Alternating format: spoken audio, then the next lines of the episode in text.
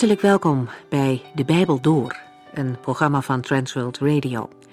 De Bijbel Door is een radioserie die u in vijf jaar meeneemt door de hele Bijbel. Van Genesis 1 tot Openbaring 22.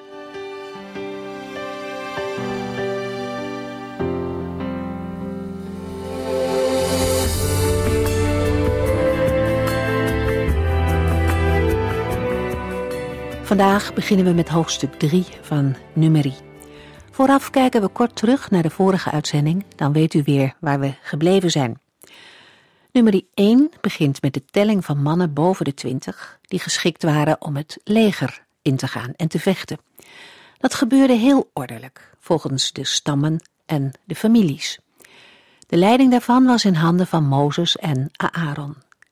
Zij kregen uit elke stam één man om hen te helpen bij deze grote klus. We hebben ook gesproken over het belang om als Israëliet te weten bij welke stam je hoorde. Zo kon de familielijn van de Messias aangetoond worden. Ook bij het sluiten van huwelijken moesten mensen laten zien uit welke stam ze kwamen. En het kennen van je afstamming was belangrijk om vast te kunnen stellen wie er priester mocht worden. Voor mensen van nu is afstamming in geestelijk opzicht net zo belangrijk. Het doet er zeker toe of u weet of u in de familielijn van God bent opgenomen. Wie zijn vertrouwen stelt op Christus mag daar aanspraak op maken en zich ook een kind van God noemen. De familie waar iemand in thuis hoort zegt wat over wie iemand is. Typerende kenmerken qua uiterlijk of gedrag zie je vaak in families terugkomen. En kinderen van God mogen dat ook hebben. Steeds meer gaan lijken op Christus. Een familielijn is ook belangrijk als het gaat om de erfenis. Vorige keer haalden we de tekst uit het Nieuwe Testament al aan, waarin staat dat christenen mede-erfgenamen zijn van Christus. In nummer 1 wordt de stam van de Levieten niet meegeteld omdat zij dienst moeten doen in de tabernakel omdat beide zonen van Jozef als een aparte stam worden gerekend, zijn er toch twaalf stammen vertegenwoordigd in de telling. Het eindresultaat kwam op ruim 600.000 mannen. In nummer 2 geeft de Heere Mozes aanwijzingen voor de opbouw van het kamp. In het midden staat de tabernakel. En daaromheen wonen de levieten, als een soort beschermende ring, zodat niemand zomaar binnen kan komen in het heiligdom van God en vervolgens krijgen alle stammen een vaste plaats daar weer omheen. Ook deze voorschriften laten zien wat de Heere graag wilde, namelijk midden van de mensen wonen. We gaan nu verder met het derde hoofdstuk van het Bijbelboek Numeri.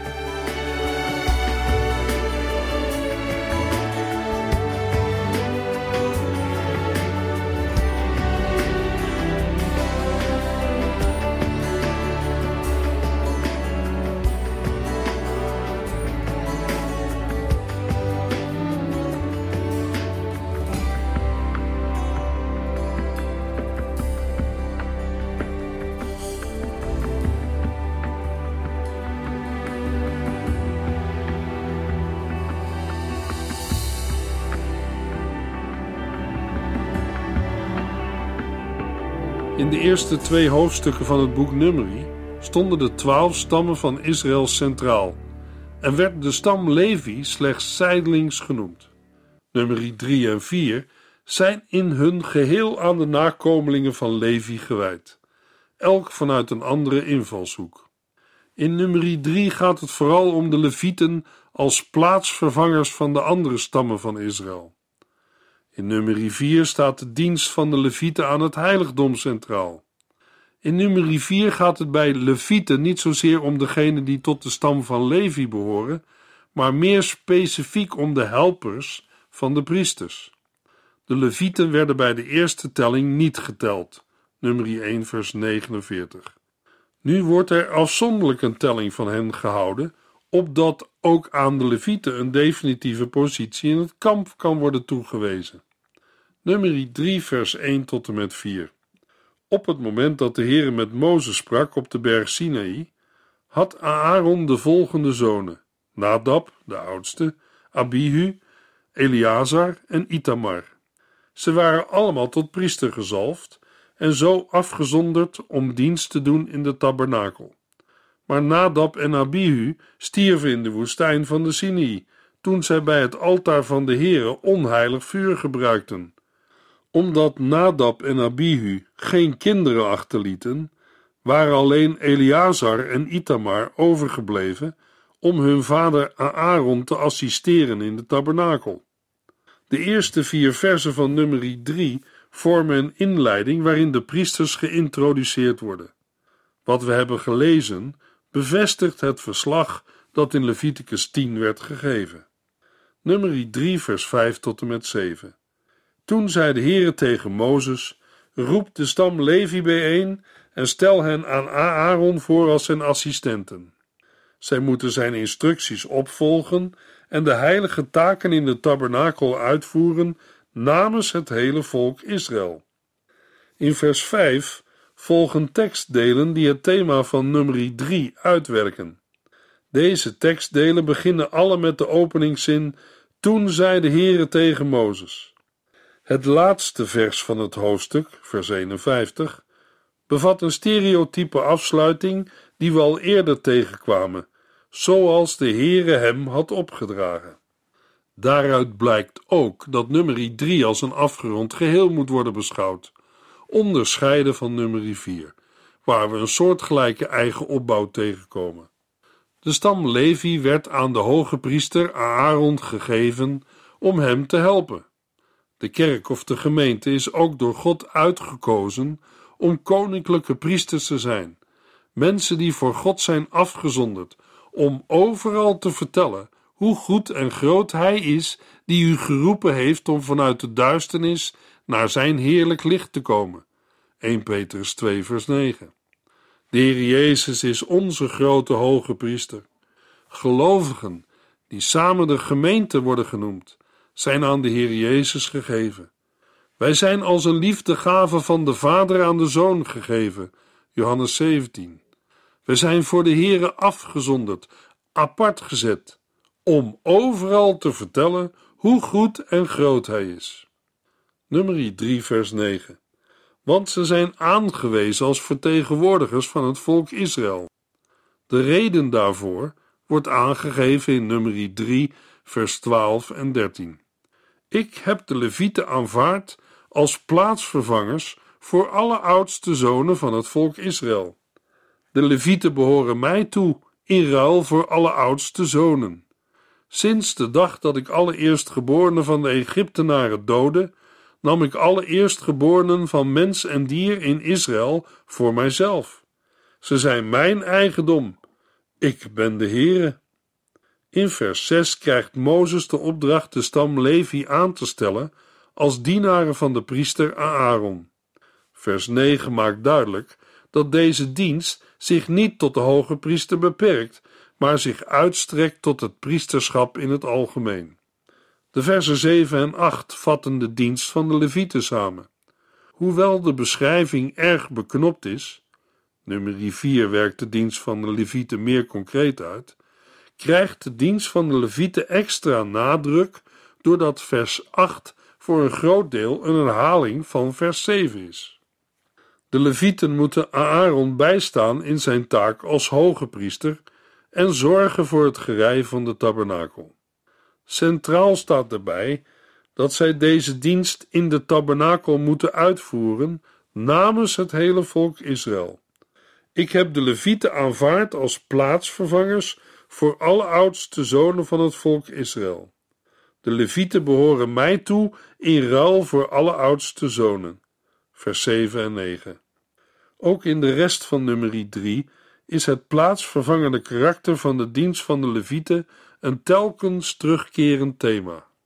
De oudste behoorde de Here toe. Dat betekent niet altijd dat hij in de dienst van de Here kwam, maar wel dat hij moest worden vrijgekocht om te laten zien dat hij van de Here was. Ik heb de Levieten aanvaard als plaatsvervangers voor alle oudste zonen van het volk Israël. Nummer 3, vers 14 tot en met 17. De Heere sprak opnieuw tegen Mozes in de woestijn op het schiereiland Sinaï en zei: Tel de zonen van Levi, ieder ingedeeld naar zijn familie. Tel ieder mannelijk persoon van één maand en ouder mee. En Mozes deed dat volgens Gods bevel. Levi had drie zonen: Gerson, Kehat en Merari. Het betekent dat er drie families in de stam van Levi waren. De familie van Gerson wordt geteld. De zonen van Levi's zoon Gerson heten Lipni en Simi. De families die hun namen droegen omvatten 7500 man en hun leider was Eljasaf, de zoon van Lael. Hen werd gezegd hun tenten op te slaan achter de tabernakel aan de westkant. Het was hun taak om voor het onderhoud van de tabernakel te zorgen, voor de gordijnen, met uitzondering van het voorhangsel, de dakbedekking en de scheerlijnen, vers 21 tot en met 26. Vanaf vers 27 lezen we over de telling van de familie van Kehat. Zij moeten hun tenten opslaan aan de zuidkant van de tabernakel. Hun taak is het om te zorgen voor het voorhangsel, het gordijn voor het heilige der heiligen en het meubilair van de tabernakel, inclusief alle reparaties van het meubilair. Vers 27 tot en met 32. Na de telling van de families van Gerson en Kehat wordt de familie van Merari geteld. Zij moeten hun tenten opslaan aan de noordkant van de tabernakel. Ze waren verantwoordelijk voor het onderhoud van de planken, balken, pilaren en de voetstukken van de tabernakel, inclusief al het gerei dat nodig was voor hun gebruik. Vers 33 tot en met 37. Nummer 3, vers 38. De oostkant van de tabernakel was gereserveerd voor de tenten van Mozes en Aaron en zijn zonen, die de uiteindelijke verantwoordelijkheid voor de tabernakel droegen namens het volk Israël. Iemand die niet tot de priesters of levieten behoorde, maar toch in de tabernakel kwam, moest worden gedood. In het nieuwe verbond is er wel onderscheid in taken en gaven in de gemeente, maar het priesterschap en daarmee het naderen tot de Heer in het heiligdom is niet langer beperkt tot de nakomelingen van Aaron. Alle gelovigen zijn geroepen om als priesters geestelijke offers te brengen. 1 Petrus 2, vers 5 en 9. Zij hebben volle vrijmoedigheid om, rein en heilig gemaakt door het bloed van Jezus Christus, te naderen tot de troon van genade en te komen in de tegenwoordigheid van de Heere God. Hebreeën 10, vers 19 tot en met 22.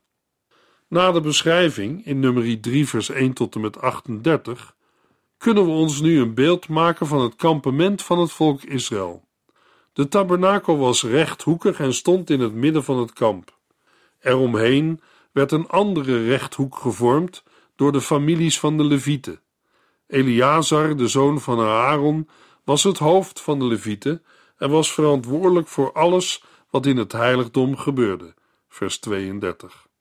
Rondom de rechthoek van levieten en priesters werd een nog grotere rechthoek gevormd, waar de twaalf stammen van Israël allen een eigen plaats van de Heere kregen aangewezen. De ingang van de tabernakel was altijd aan de oostkant, de plaats waar de tenten van Mozes en Aaron met hun gezinnen stonden. De familie van Merari was aan de noordkant gelegerd, die van Gerson aan de westkant en aan de zuidkant de familie van Kehat. Zij vormden een cordon rondom de tabernakel. Daaromheen waren aan de oostkant de families van Juda, Issachar en Zebulon gelegerd. Aan de noordkant de families van Dan, Aser en Naphtali. De familie van Ephraim, Manasse en Benjamin legerde zich aan de westkant en aan de zuidkant de families van Ruben, Simeon en Gad. Nummer 3, vers 39. Het aantal levieten dat in opdracht van de Heere door Mozes en Aaron werd geteld, bedroeg 22.000 man van één maand en ouder.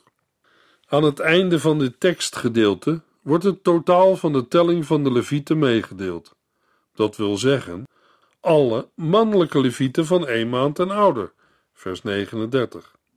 Samen met de telling van de eerstgeborenen in de versen 40 tot en met 43 is het een gegeven dat nodig is voor de lossing die moet plaatsvinden. Daarover lezen we in de versen 44 tot en met 51. Nummer 3, vers 40 tot en met 41. Toen zei de Heere tegen Mozes: Tel nu alle oudste zonen in Israël van één maand en ouder en noteer hun namen. De Levieten zullen mij toebehoren. Ik ben de Heere. Als vervangers voor de oudste zonen van Israël. En ook het vee van de Levieten is van mij, als vervanging van de eerstgeborene van het vee van het hele volk. Mozes telde alle oudste zonen onder de Israëlieten en kwam op een totaal van 22.273. Dit betekende dat er meer oudste zonen waren dan levieten, namelijk 273 meer. Deze zonen moesten worden vrijgekocht met vijf sikkels, dat is 55 gram zilver per persoon. Het moest betaald worden aan Aaron en zijn zonen. Voortaan zullen de levieten de plaats van de Israëlieten innemen in de dienst van de Heere. Zoals de Heere daartoe aanvankelijk de eerstgeborene Israëlieten had bestemd. Exodus 13. Zo wordt hun plaats nu door de levieten ingenomen en worden de eerstgeborenen vrijgekocht van hun wijding aan het heiligdom. Het thema van lossing of vrijkoping komt terug in het Nieuwe Testament. Daar is het de Heer Jezus die zijn leven geeft als losprijs om de mensen vrij te kopen. Marcus 10. Het is door zijn dood dat velen het leven vinden. Wie in hem gelooft, is dan ook gekocht en betaald. 1 Corinthiërs 6 vers 20. En behoort daarmee toe aan de Heere God. Nummer 4 vers 1 tot en met 3. Toen zei de Heere tegen Mozes en Aaron: Tel alle mannen van 30 tot 50 jaar uit het geslacht van Kehat, uit de stam van Levi, die dienst kunnen doen in de tabernakel. In nummer 4 staan, net als in nummer 3, de Levieten en hun aantal centraal. In het vorige hoofdstuk ging het om de rol van de Levieten ten opzichte van de twaalf stammen van Israël. De telling hield er verband met de lossing van de eerstgeborene Israëlieten. In nummer 4 gaat het om hun aantal en taak met betrekking tot de dienst in de tabernakel. In drie tekstdelen vinden we de opdracht om de Kehatieten, Gersonieten en Merarieten te tellen. Alle mannen van 30 tot 50 jaar. Daarna volgt een uitgebreide omschrijving van hun taak. Vervolgens lezen we de resultaten van de telling, terwijl vers 49 de afsluiting vormt van het hele hoofdstuk. Nummer 4, vers 4 tot en met 6 en vers 15. Dit zijn hun heilige taken. Wanneer het kamp wordt opgebroken, moeten Aaron en zijn zonen de tabernakel binnengaan, het gordijn voor het heilige der heiligen naar beneden halen en de ark ermee bedekken. Daarna zullen zij het gordijn met dassenvellen afdekken en daaroverheen een hemelsblauw kleed leggen. Dan zullen de draagstokken van de ark door de ringen worden gestoken. Wanneer Aaron en zijn zonen het heilige en het toebehoren hebben ingepakt, moeten de familieleden van Kehat alle voorwerpen oppakken en vervoeren naar de volgende kampplaats. Zij mogen de heilige voorwerpen echter niet aanraken, anders zullen ze sterven. Dit zijn de heilige taken die aan de zonen van Kehat worden opgedragen bij het vervoer van de tabernakel. Pas nadat de priesters de heilige voorwerpen hebben bedekt, mogen de Keatieten het heiligdom binnenkomen om de voorwerpen mee te nemen. Kennelijk is er niet alleen in het legerkamp, maar ook in het heiligdom zelf sprake van verschillende gradaties van heiligheid. De levieten mogen het heiligdom zelf demonteren en meedragen, maar het zien en direct aanraken van de heilige voorwerpen is alleen aan de priesters voorbehouden en zou zelfs voor de Keatieten de dood betekenen. Nummer 4, vers 21 tot en met 25. En de Heere zei tegen Mozes: Tel alle mannen van 30 tot 50 jaar uit het geslacht van Gerson, die geschikt zijn voor het heilige werk in de tabernakel. Dit zijn hun taken. Zij moeten de gordijnen van het tabernakel, de tabernakel zelf met zijn dekkleden, de dakbedekking van dassenvellen en het gordijn voor de ingang van de tabernakel dragen. De taak van de Gersonieten wordt omschreven als dienen en dragen. Dan wordt er met name aan het vervoer van het heiligdom tijdens de woestijnreis gedacht. Tot de verantwoordelijkheid van de Gersonieten behoort alles wat van huiden gemaakt of van stoffen geweven is. Alleen het voorhangsel voor het Allerheiligste behoort niet tot de verantwoordelijkheid van de Gersonieten. Bij de inwijding van de tabernakel kregen de Gersonieten twee wagens waarop zij de huiden en kleden konden vervoeren. Nummer 7, vers 7. Ook de Gersonieten ontvangen de aanwijzingen voor de uitvoering van hun taken van de priesters. Hun werk valt onder de verantwoordelijkheid van Itamar, de tweede nog in leven zijnde zoon van Aaron. Nadab en Abihu, de twee oudste zonen van Aaron, waren al eerder gestorven. Leviticus 10. Niet genoemd, maar wel verondersteld is dat de Gersonieten hun taken uitvoeren nadat de Kehatieten de heilige voorwerpen hebben weggedragen.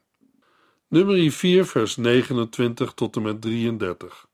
Tel nu alle mannen van 30 tot 50 jaar uit het geslacht van Merari, die geschikt zijn voor de dienst in de tabernakel.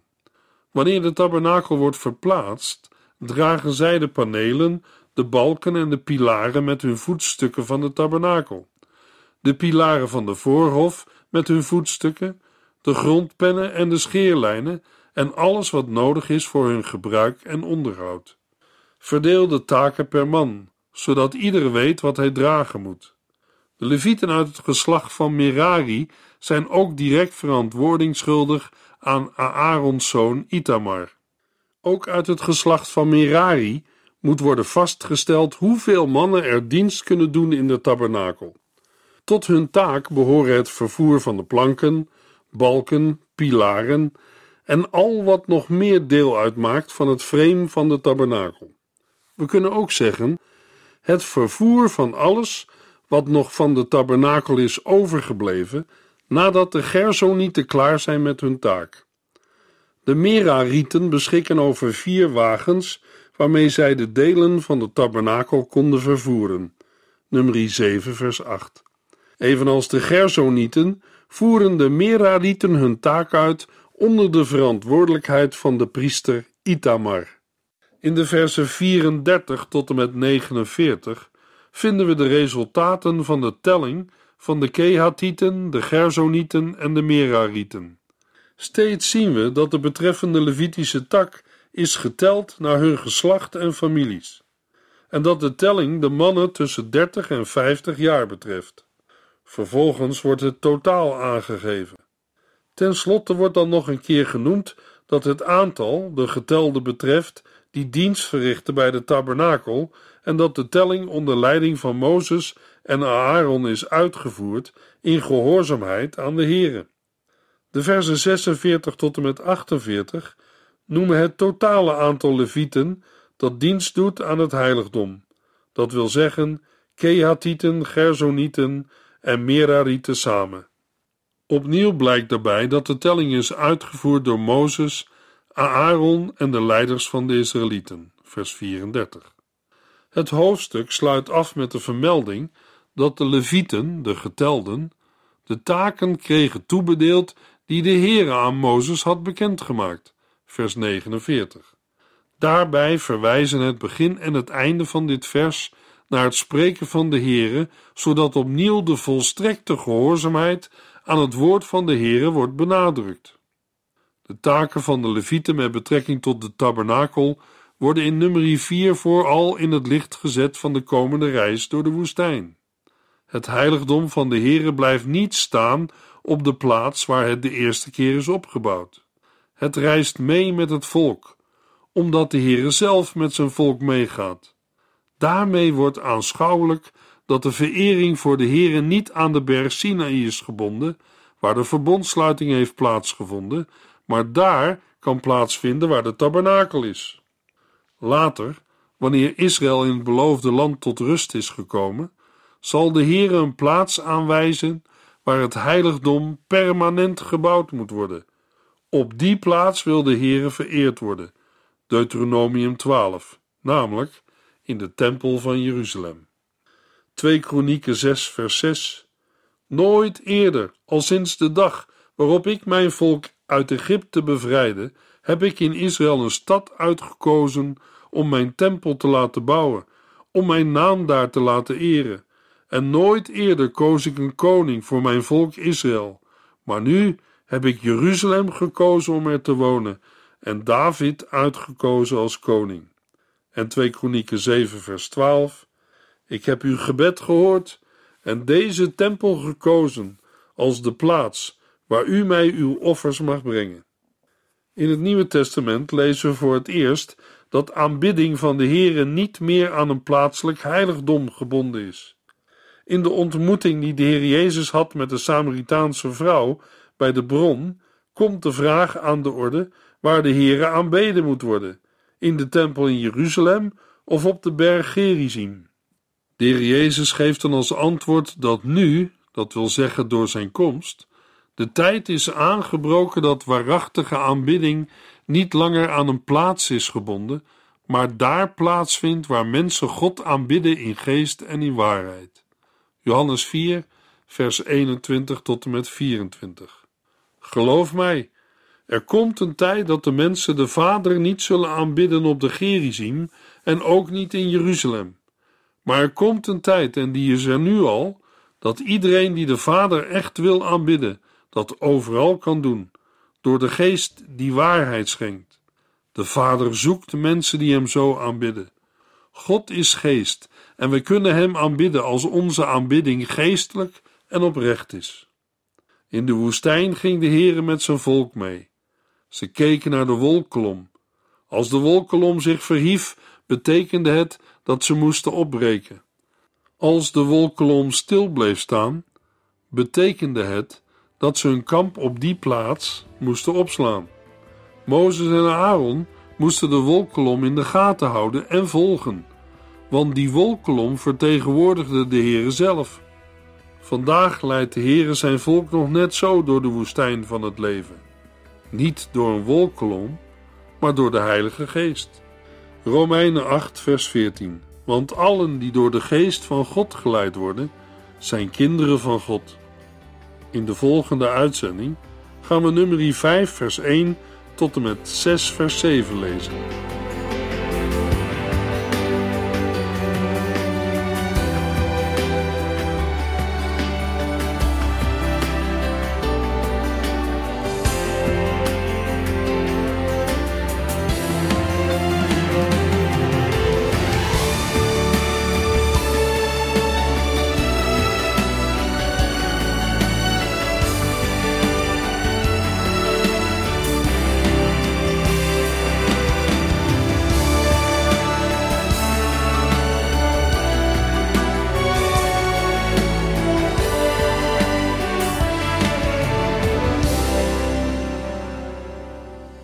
Geluisterd naar De Bijbel Door. In het Nederlands vertaald en bewerkt door Transworld Radio. Een programma waarin we in vijf jaar tijd de hele Bijbel doorgaan. Als u wilt reageren op deze uitzending of u heeft vragen, dan kunt u contact met ons opnemen. Tijdens kantooruren kunt u bellen op 0342 47 8432. 0342 47 8432. 32. Ook kunt u een e-mail sturen naar de Bijbel door transworldradio.nl en natuurlijk kunt u ook via de post ons bereiken. TWR, postbus 371, postcode 3770, AJ in Barneveld. Dit programma werd gepresenteerd door Cor Weda en Ike André. Techniek was in handen van Odin van Woerdekom. En wij allemaal bedanken u voor het luisteren. Graag tot de volgende keer.